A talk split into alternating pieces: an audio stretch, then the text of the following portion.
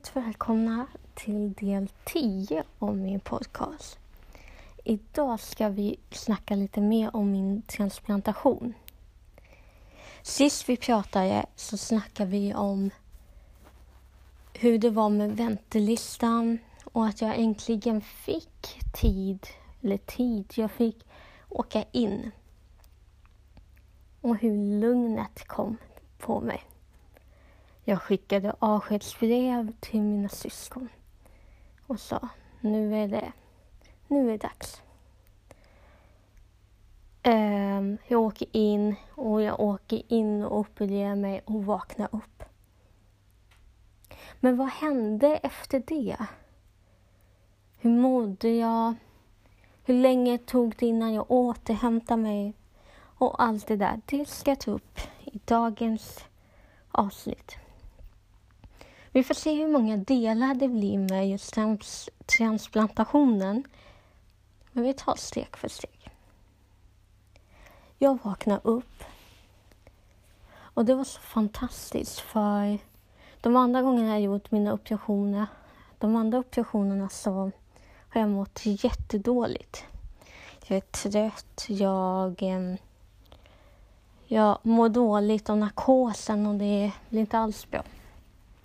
Men när jag vaknar upp så känner jag mig pigg. Det känns inte som att jag har en narkos i mig. Utan jag är väldigt pigg och jag får inga biverkningar av det på något sätt.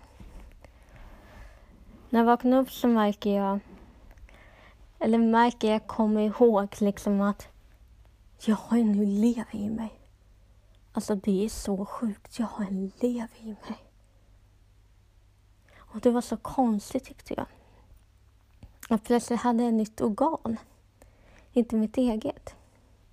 Efter några timmar då var det dags direkt att resa sig upp, försöka gå lite och börja med den här vardagen för att komma igång så mycket som möjligt. För hur länge du ligger ner, hur lättare är det att du får blodproppar. Och det är inte bra.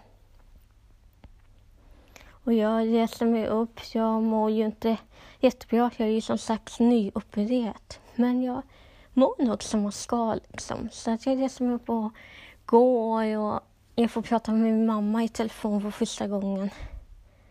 Och säga att jag mår bra. Jag vet inte hur länge jag var där. Men det kan inte ha varit mer ett dygn i alla fall. Så kom jag på vanliga avdelningen.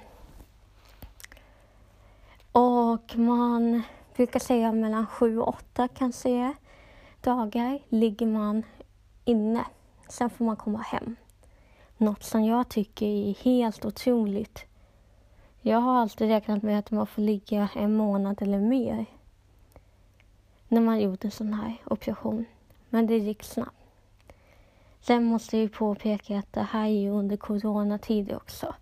Man vill inte ha patienterna på sjukhuset för att det är väldigt farligt för oss.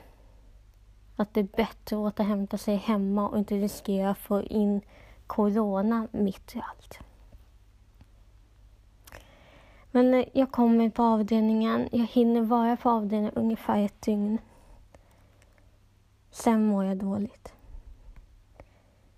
Och jag kan säga på en gång, om det är någon som är lite känslig för saker och ting som jag säger nu, så skippa det här avsnittet. Ta nästa avsnitt istället. För jag kommer inte gå för djupt, men det finns vissa detaljer jag kommer säga och om man är känslig så ska man inte höra det här. Jag vaknar upp, eller vaknar upp, jag börjar må dåligt efter ett dygn. Jag... Från ingenstans så jag mår bra, och så, förutom att jag har ont och sådär, men från ingenstans så spyr jag. Och när jag spyr så är det blod. Och jag förvånar mig ytterligare hur jag hanterar saker. Normalt sett när jag får ont eller någonting så brukar jag bli så här, ja men jag känner efter, se om det är något allvarligt eller inte. Um, så har jag alltid varit när jag legat på sjukhus. Om jag inte går över på några minuter, då trycker jag, men inte innan dess. För de har så mycket att göra ändå på avdelningen och jag ska inte vara i vägen. Så brukar jag tänka. Men den här gången så spyr jag. Jag ser att det kommer blod, eller jag ser att det är mörkt och börjar ana att det är blod i alla fall. Och samma sekund som jag spyr så trycker jag på knappen. Jag trycker på larmknappen samtidigt. Något som jag aldrig har gjort förut så snabbt. Sköterska kommer in till mig. Och de undrar ju alltid vad det är eftersom jag trycker på knappen. Så säger jag, jag har spytt. Hon säger lite ironiskt, ja jag ser det. um, så jag kan tycka det är ganska kul efteråt. Eh, jättekonstig konversation där. Men eh, hon, jag får hjälp med det. Och hon förstår ju ganska snabbt att jag ska inte spy i blod. Då är det någonting som är fel. Så det kommer sköterskor och det kommer läkare inne i det där rummet. Och vi var väl fem stycken totalt. Förutom mig då, men fem stycken personal. Medan läkaren går fram och tillbaka. Det här är typ mitt i natten, tror jag. Eller väldigt sent på kvällen. Um, och han går fram och tillbaka och då funderar jag. Får en, först får jag en slang. Alltså en sond. Och den här slangen, jag skojar inte, det är som en nästan är det som en vattenslang som de sätter in i min näsa och ner till magen. Den var så otroligt tjock. Så det gick inte att svälja mina mediciner knappt för den satt i vägen totalt. Men den här slangen får jag. Och ja, blodet kommer inte ut längre utan det, det kommer bara i slangen men jag slipper kvävas av det.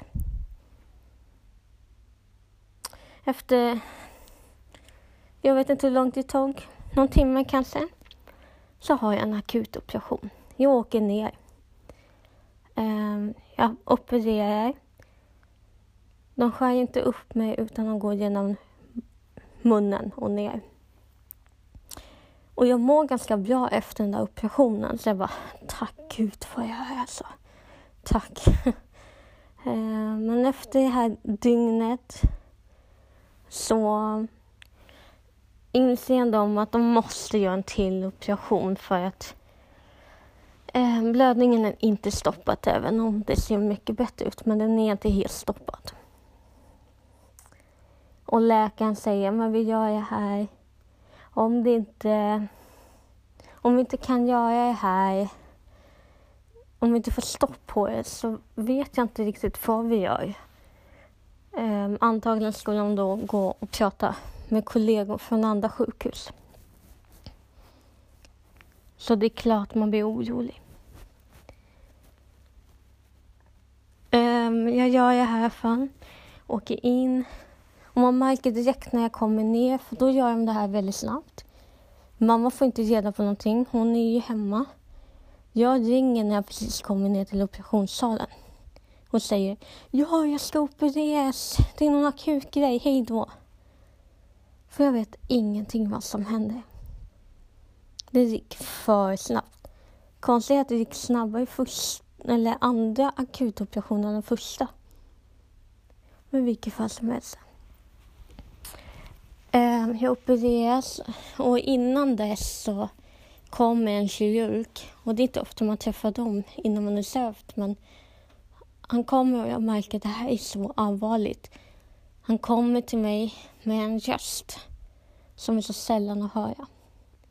Och så säger han Vi ska göra det här. Men om det inte fungerar, då måste vi öppna dig.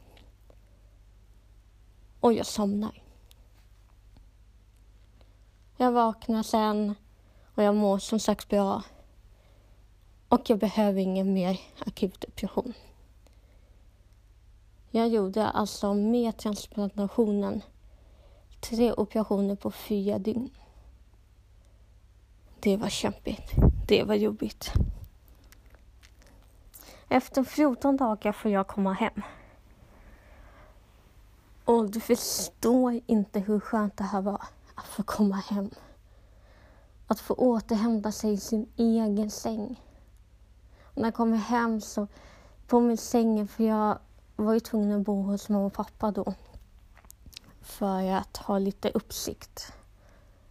Och när jag kom hem så är min säng fullt med saker som mamma och mina syskon och min pappa har hjälpt till och fixat. Och de var så fina och jag var så tacksam över det. Så tack familjen. För ni har gjort det så fint för mig. Jag tänker avsluta det här avsnittet. Um, nästa avsnitt, då när jag tar en transplantation, jag vet inte när jag lägger upp det, så kommer jag berätta lite mer om hur man mår efter operationen, um, finns det biverkningar på medicin och var, hur jag mår idag. Så tack så mycket för att ni lyssnat så hörs vi på onsdag igen. Kram på er.